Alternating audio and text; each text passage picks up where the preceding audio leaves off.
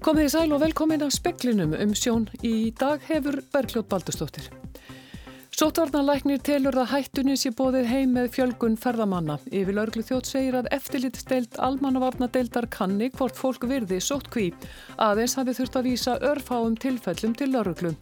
Leðtóðar Fraklands og Þýskalands krefjast þess að upplýst verði hvað hægt sé í fréttum um að bandaríkjumenn hafi njósnað um evrópska samherja þeirra með hjálp dana. Fósætisra þeirra segir málið mjög alvarlegt.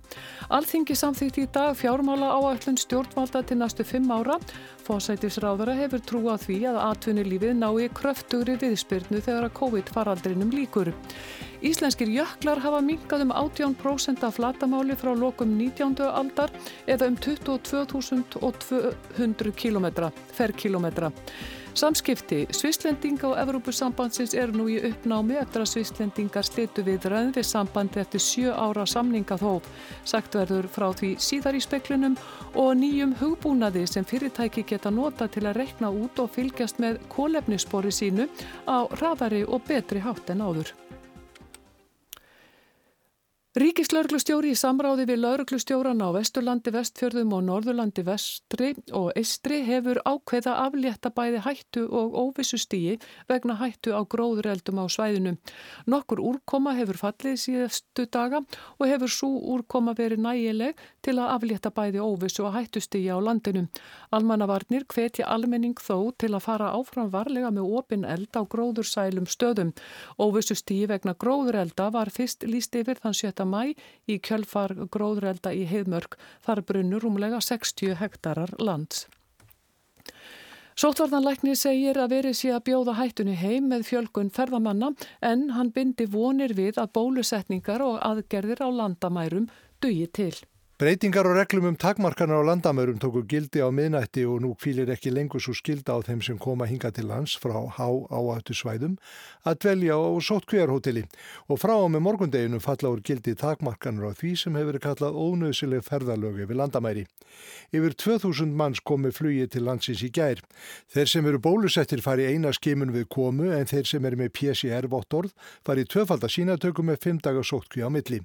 Á morgun er von á 17 flugvilum til landsins og gert er áð fyrir að 5.000 manns komi til landsins á dag eftir miðjan mánuðin. Aðspurður hvort verið sé að bjóða hættunni heim með því fyrirkomulagi sem nú er, segir Þórulu Guðnarsson, sótarðanleiknir. Jú, jú, auðvitað við vitum það að smittin sem að koma hingað inn koma ellendis frá. Við erum líka höfum verið með smitt hér innanlands núna sem við höfum ekki alveg náð utanum. Við erum að sjá svona stöku smitt utan sóttkvíjar. En, en ég held að þetta sé nú bara svo þróun sem við erum, erum að horfa upp á, fólk eru óþreyju fullt og, og tilslaganir eru, eru í gangi en, en eins og ég segi að, að, að við erum að gera einmislegt annar til þess að spyrna á móti því að, að hér verði útbreysla á, á, á smittum og, og, og ég bind náttúrulega vonir við bólusetningarnar og svo þessar aðgerði sem við erum með á landamærum að þannig muni duga til. Og þetta var Þórólfur Guðnarsson, það var Haugur Holm sem sagði frá. Víði Reynisson yfir laurglu þjótu segir að eftirlitstild almannavarnadeildar ríkislauglustjóra vera áttamannadeild sem ringi fólk sem er í sóttkví utan sóttkvíjar hótela. Í örfáum tilfellum hafi málum verið vísað til lauruglu. Til greina kemur að fjölga fólki í deildinni með auknum ferðamannaströymi, segir Víðir. Flestir fylgi fyrirmælum ef okkur finnst eitthvað óðalegt þá fylgjum við því meira eftir og, og ég menna ef að fólk er ekki, svarar ekki símanum eða er ekki það sem er þá, þá er þetta að fylgja þetta með heimsóknum en, en í flestum tilfellum er bara fólk að verða þetta og það er náttúrulega það sem er líka við erum að sjá er svona þessi breytingi okkur hvað stór hluti þeirra sem er að koma hingað eru bólsettir eða með vottorðið fyrir síkingu þannig að það er svona hlutfallið af þeim sem við þurfum að hafa eftirlit með af þeim sem er að koma er að sífælt að lækka. En það er auðvitað, þetta er svona svipaður hausafjöldi núna millir dagamist eh, En er þetta mörg tilfelli þar sem ég ekkur fyrir að gruna að það sé ekki rétt staðið að málum og þau þurfa að grípa fyrir eitthvað inn í? Nei, þau eru ekki mörg og það eru, eru örf á það sem við vísað einhverja málum til lorgunar. Sagði Víðir Reynisson, Yngvar Þór Björnsson talaði við hann. Emmanuel Macron, fórseti Fraklands og Angela Merkel, kanslari Þýskalands, krefjast þess að bandaríkjumenn og danir upplýsi hvað til sé í fréttum um að bandarísk stjórnvöld hafi njósnað um evrópska samherja þeirra með aðstóð dana. Málið hefur valdi nextlun þar á meðal hér á landi. Leðtúarnir rættist við í dag um fjárbúnað. Macron sagði eftir fundin að það væri með öllu óviðunandi að samherjar njósnuðu hverjir um aðra hvað þá samstarfs þjóðir. Hann hefði fulla trú á að traustiríkti milli bandaríkjana og Európu þjóða, þar á milli ætti engin tortrygni að ríkja. Þess vegna hefði verið farið fram á að stjórnvöld í bandaríkjunu og að Danmörku gefu upplýsingar um málið. Svara væri beðið. Angela Merkel hvaðast vera sammála Fraklands fórsetta í öllum atriðum.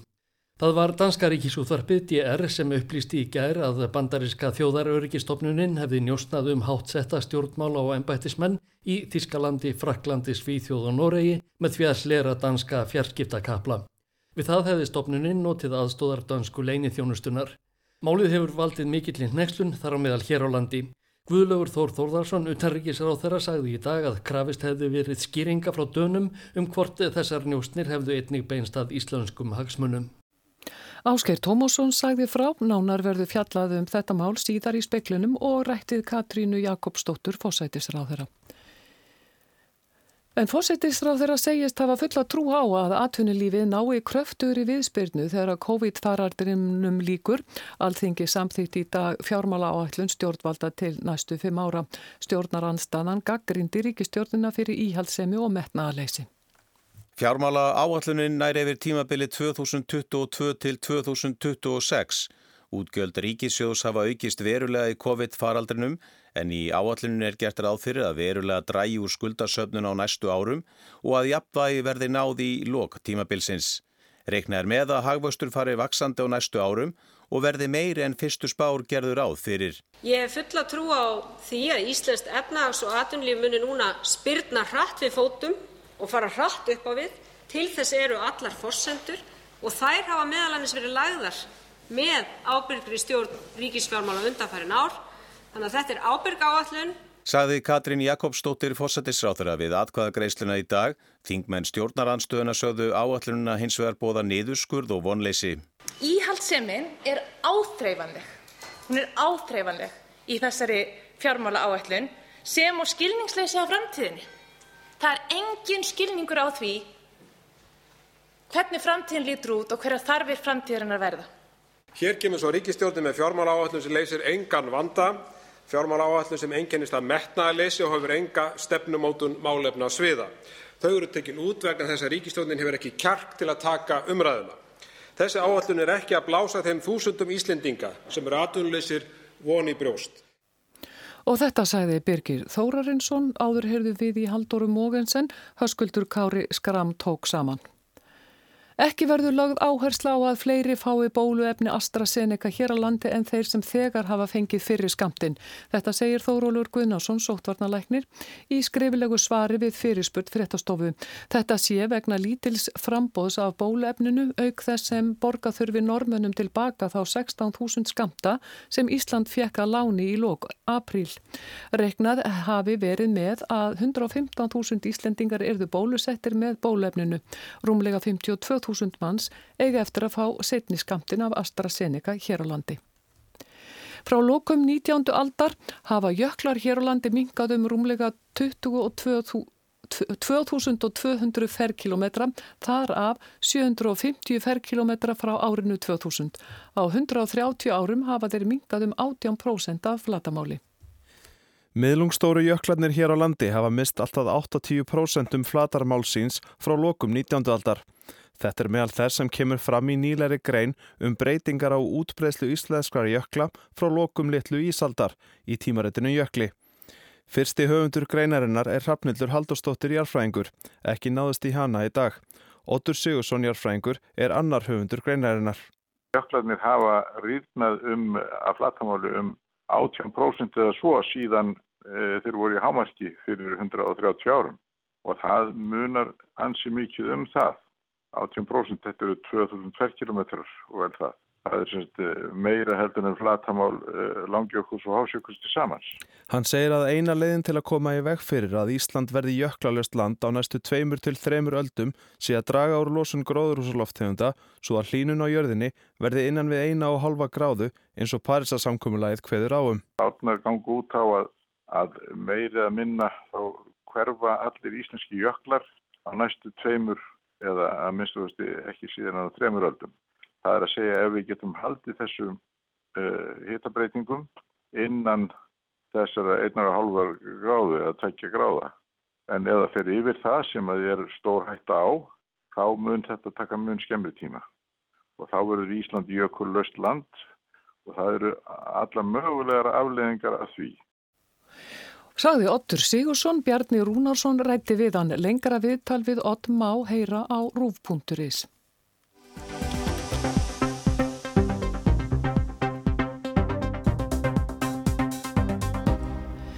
Katrín Jakobsdóttir fósettisráð þeirra segir að það sé mjög alvarlegt mála að bandaríkjaman hafi njóstnað með aðstóð frá dönsku leinutjónustunni um háttsetta stjórnmálamenn, embættistmenn, fyrirtæki og stopnanir í nágrána löndum Danmörkur. Hún hefur áhyggjur af því hvaða áhrif þetta geti haft á tröst á milli Norðurlanda þjóðana. Upplýstuðu verið að þjóðaröryggistofnun bandaríkjana NSA hafi í nokkur langan tíma í samveinu við leinithjónustu danska hersins njóstnaðum stjórnmálamenn og embætismenn í Noregi, Svíðjóð, Þískaland og Fraklandi. Málið eða ángi þess skaut upp kollunum í ágúst í fyrra í Danmörkum. Þá var upplýstum samstarfið dönsku leini þjónustunar og bandaríkjamanna um aðgang þeirra að fjarskipta kerfundana. Þá snýrist málið um að þessi búnaður hefði verið notað til að njóstum með danska stjórnmálamenni eða danska ríkisborgara. Aðgangur þjóðaröryggistofnunarinnar náði til símtala, internetnotkunar og SMS skilabóðan svo eitthvað sé nefn. Þetta vakti mikla aðtikli og var leinið þjónastan harlega gaggrín. Metti Fredriksen, fórsættis á þeirra danam, sagði að máli veri mjög alvarlegt og það er ansakað.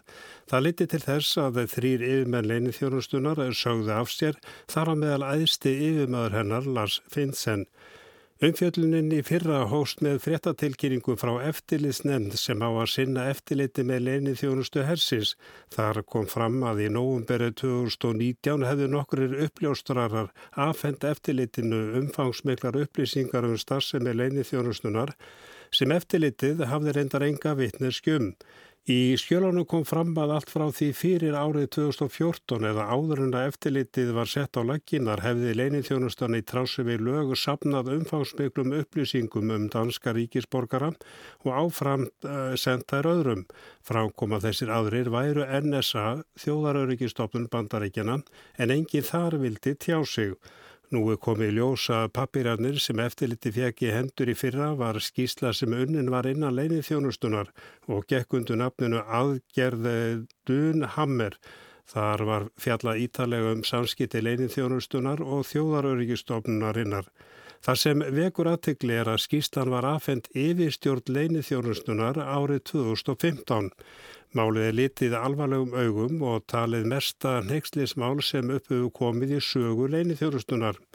Megin efni skýstunar frá 2015 er að NSA hafi aðgangað fjarskiptakerfi og fjarskiptaköplum í gegnum dönsku leini þjónustuna til að sækja gögn eða njóstum norska, sænska og þíska og franska stjórnmála og ennbætismenn. Danska ríkisútvarpið DR fjallar ítalegum málið en að baki þeim upplýsingum er samstarfið sex fjölmila meðal annars í Svíþjóð, Þískalandi og í Fraklandi. DR segir að ekki hafi enni tekist að varpa ljósi á um hver marga stjórnmálamenn og embætismenn var njóstnað um í Danmörku, Svíþjón, Nóri, Þískaland og Fraklandi. Þó hefur verið upplýst að það hafi verið fyrst með Angelu Merkel, kanstara Þískalands, Franka Valter Steinmeier, þáverandi utaríkistráþra og Per Steinbrúk, fyrirverandi leittóa stjórnaranstöðunar í Þískalandi. Sérfæðingur segði við danska útvarpið að það sé raun ekki ólöglegt að leinið þjónustan aðstóði samstarfsþjóður við njóstnir í öðrum löndum.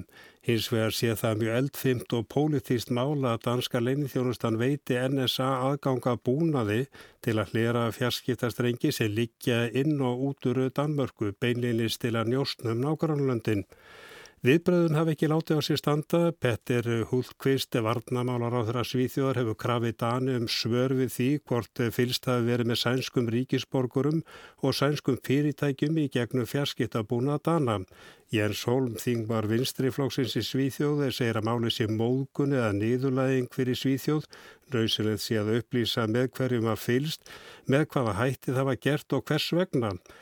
Það er ekki reynda nýja fréttir í Þískaland að NSA njóstnum stjórnmálamenn þar 2013 ára upplýst að eh, stopnuninn hefði hlerað síma Angelu Merkel. Því var tekið alvarlega og Obama, þáverandi fósiti bandaríkjana, lofaði að slíkt myndi ekki gerast aftur.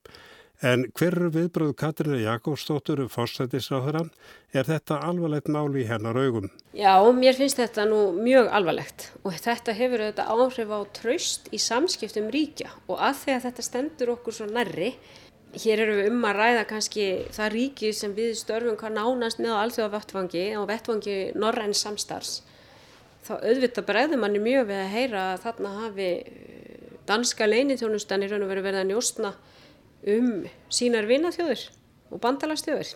Utanríkisar á þeirra upplýst á alþingi dag að Íslands stjórnvöld hefðu þegar að bröðist við. Við erum auðvitað búin að krefjast þess að dönsku yfirvöld upplýsi það í fyrsta lagi hvort að einhverja slíkar uh, njóstnir hafi átt sér stakakvart einhverjum íslenskum aðilum, stjórnmálamönnum, stopnunum uh, og öðrum aðilum. Þannig að það er búið að krefjast þeirra upplýsinga og uh, síðan auðvitað sjáum við það bara til að mynda viðbröðum svíja að þetta er mál sem verður rætt á norrænum vettfangi og mm, vegna þess að við erum í þessu nána samstarfi, þetta er ekki, þetta er ekki ég meina við erum auðvitað í samstarfi með margar þjóður en ég myndi segja að þetta væri innsti ringur uh, alþjóðlega samstarf sem við Íslendingar tökum þátt í, þá auðvitað uh, hef ég miklar ágjörði hvað áhrif þetta mun hafa á tröst á milli til dæmis Norrlandara. Áhyggjum var komið á framfæri við Dani í fyrra þegar upplýst var að bandaríkjumenn hefðu njósnaði að fylst með dönskum ríkisborgurum með aðstóð leini þjónustunar. Og síðan var máli tekið upp í þjóðraríkisráði og leitaði eftir frekari upplýsingum sem ekki hafa borist. Eh, það sem gerðist í Danmörku var að það var eh, ákveð að setja á lakirnar einhvers konar rannsóknar nefnd eh, eða að setja af stað rannsókn á þessu máli og dáliti bóðað að svörin myndu berast uh, þegar hún lægi fyrir en við höfum ekki fengið skýrsvör við okkar spurningum. Og Katrín hefur áhugjur að því að máli geti rýrt eh, traust á milli þjóðan. Já, það er nú mikið rætt um sko mikið vægi fjölþjóðli samstarfs og traust í samskiptum og, og við erum aðilar að Norrannu samstarfi og Norrannu ráþaranöndinni og Norrlandaráði við erum aðilar að allarsafsbandalæginu og, og það auðvitað líka vekur spurningar uh, á þeim vettvangi og það eru auðvitað að setja Íslendingar og Danir og Normenn, svo dæmis ég tekið. Þannig að þetta er auðvitað, svona rýrir auðvitað bara traust í samskiptum þjóða og traust á slíku samstarfi sem hérna við Íslendingar höfum auðvitað lagt mjög mikla áherslu á að það sé mikilvægt að eiga í slíku fjölþjóðlegu samstarfi uh, og höfum bent á það að það skiptir ekki síðan máli einmitt fyrir litlar þjóður eins og okkar. Þannig að þetta, þetta er vissulega mjög alvarlegt. Þið hafa ekki fengið svar við aðtáðsendum ykkar frá því fyrra en núna gerir þið það ykkar kröfu að þið fái skýr svör frá dönum. Já, utaríkisráþurra og utaríkisráðniti hafa komið þeim kröfu mjög skýrt af framfæri í dag og ég held að þessar svona uppljóstrarnir sem eru þetta hérna, miklar eh, það séu þess aðlis að dönstjórn hljóti einfallega svara ekki bara okkur, heldur öðrum vinaþjóðum sínum. Og þetta var Katrín Jakobsdóttir, Arnar Páll Haugsson tók saman.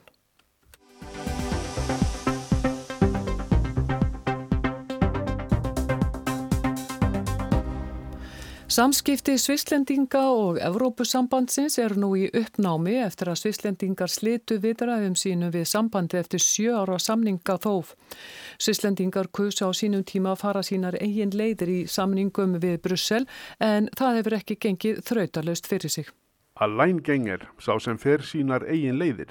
Þótt svislendingar tali fjórartungur komst þíska hugtækið Allængengar inn í þar allar fyrir nær 30 árum á svarta sunnudeginu svo kallaða í desember 1992 þegar svisneska þjóðin kaus að skella hurðina á Íslendinga, norðmenn og líktinsteina frekar en að stopna með þeim evróska efnahagsvæðið af óta við að afsala sér hluta af sjálfstæði sínu til Brussels og Evropasambandsins ákvaðu síslendingar þá frekar að fara sína eigin leið í samningu sínu við Evropasambandið. Við tók þrautarganga sem staðið hefur í 30 ár, síðastu hluti hennar tvíliða samninga við raður svislendinga við Evropasambandið sildu í strand í síðustu viku. Þrýr úr svisnesku ríkistjórninni bóðuðu til bladamannafundar og tjáðu þjóðinni að eftir sjö ára þóf væri tilgangslöst að halda viðræðunum áfram og sendu Úrsulu von der Leyen, fórseta framkvæmda rásins í Brussel, brefum það. Og nú er sem sagt enn á ný allt strandað í samskiptum svislendinga og Evrópusambandsins. Eftir að allar hugmyndur um bæði íslensk-norsku leiðina og ensýður um beina aðild svislendinga að Evrópusambandinu eru varla lengur í umræðunni í Sviss hvað þá heldur meira, hefur Alpaþjóðin reitt sig á meira en 100 tvíliða milliríkja samninga við Evrópusambandið um öll þeirra samskipti. Sumir þessara samninga eru hálfrar aldar gamlir eftir samningar og fylgja því ekki þeirri þróun sem orðið hefur síðan. Því kom upp svo hugmynd fyrir meira en áratug að reyna að fella samskipti Sviss og Evrópusambandsins undir einn rammasamning svo ekki þyrti stöðut að vera að funda um komur og punta í Brussel. Það er sásamningur sem síldi í strandi síðustu viku þegar Ríkistjótt Sviss tók þá djörfu ákverðin að setja öll samskipti sín við Evrópusambandið í uppnám með því að gefast upp á þessu ára langa þjarki. Ástæðurna fyrir því að viðræður Sviss og Evrópusambandsins sildu í stranda þessu sinni eru raun þar sömu og allir því að svisslendingar í þjóðaratkvæðum gengu á snið við vilja ríkistjórnar sínar fyrir 30 árum þegar hún taldi sér búin að finna ásættanlega lausn á samskipti sínu við Evrópusambandið í formi evróska efnahagsvæðisins. Munurinn er aðeins sá að að þessu sinni sagði ríkistjórnin stopp áður hennu tók á ný þá áhættu eins og fyrir 30 árum að fá fallengun hjá þjóðinni. Fallengun hjá þjóðinni, það er í raun Einn skýringin á því hvers vegna svislendingar fara sínar eigin leiðir. Einræði þegnana eins og stjórnmálamenn hér nefna uppbyggingu líðræðisins í Sviss. Alþjóða samningar eins og samningar við Evrópusambandið fara sjálfkrafa í þjóðarakvæði og ef eitthvað í þeim takmarkar þetta vald þegnana þá má segja að þeir séu döðir í fæfingu. Önnur skýring er að Sviss er sambandsríki. Þegar verið er að setja landinu framtíðarstefnu þurfa ríkin 26 en það mynda og njóta mikils sjálfstæðis að vera nokkuð samstíga þrátt fyrir ólíka menningu, trú og tungur. Og þriðja skýringin er svo að svislendingar sem sitja í Evrópumiðri umkringdir Evrópusambandin og alla bóa telja sig hafa mun meira vægi en til dæmis Íslendikar og normenn í samningu sínu við Evrópusambandið. Í vöru skiptum eru þeir fjörði stæsti viðskiptavinnur Evrópusambandsins, sá þriðji stæsti í þjónustu og annar stæsti í fjárfestingum. Að auki fer stór hluti flutninga á millir Norður og Suður Evrópu í gegnum Sviss. Sviss og Evrópa eru því háð hvort öðru og svisslendingar töldu sig því vera með nokkuð góð spil á hendi en allt kom fyrir ekki og fáir telli að þessi nýja sögg þeirra fái anstæðingin til að blikna. Evrópusambandið sakar svisslendingum að velja bara bestu bitana eins og fullan aðgangað markaði en hafna lagapakkonu sem því fylgir. En fyrir svislendinga gerði óhakandi krafa Evrópusambandsins um útvikun á frálsum flæði og búsetu, ekki aðeins vinnuafls, til Sviss, auk aðgangs að almanna tryggingakerfi landsins útslægið um að hætta þessum viðræðum. Auk óta svislendinga við undirbóð á launum í landi sem býr við einn hæstu meðalaun í heimi og kröfu Evrópusambandsins um aukið vald Evrópudómstólsins í deilumálum og beina aðlögun að reglugerðum sambandsins. Til að reyna að hrinda af stað nýrri samningalótu búaðar svisneska ríkistjórni þó að hún muni nú skoða hvaði lögunlandsins megi aðlaga betur að reglugerðum Evrópusambandsins en þó á sínum forsendum en ekki þeirra. Aug þess leggur svisneska stjórnin til að Sviss falli ekki frá 140 miljardar króna þróunarstyrki til fátakustu meðlum Evrópusambandsins sem Brussel lítur reyndar á sem eins konar aðgángseyri að sínum innra markaði. Þó veit nú engin hvert framhaldið verður. Margir af tvíliða samningum Sviss við Evrópusambandið eru úr sér gengnir eða að renna út og forkólvar í efnagaslífinu hér eru því á nálum. En fórseti Sviss Guy Parmelan reyndi að hughresta þá. Nous sommes au centre de l'Europe avec des intérêts communs à différents niveaux. Simplement, nous Nous commençons un nouveau chapitre dans nos relations que nous espérons fructueuses. Við erum í miðri Evrópu og eigum sameigilegra hagsmuna að gæta. Ég lít því ekki á þetta sem endan á samskiptum okkar heldur, frekar sem nýtt upphaf af samvinnu sem ég vona að verði gæfuríkt. Þótt þær vonir svislendinga að Brexit-ævintýrið gerði Evrópusambandið kannski svo leiti mígra í viðmóti gagvart þeim, hafi ekki gengið eftir eru þeir þó ekki of áhyggjufullir.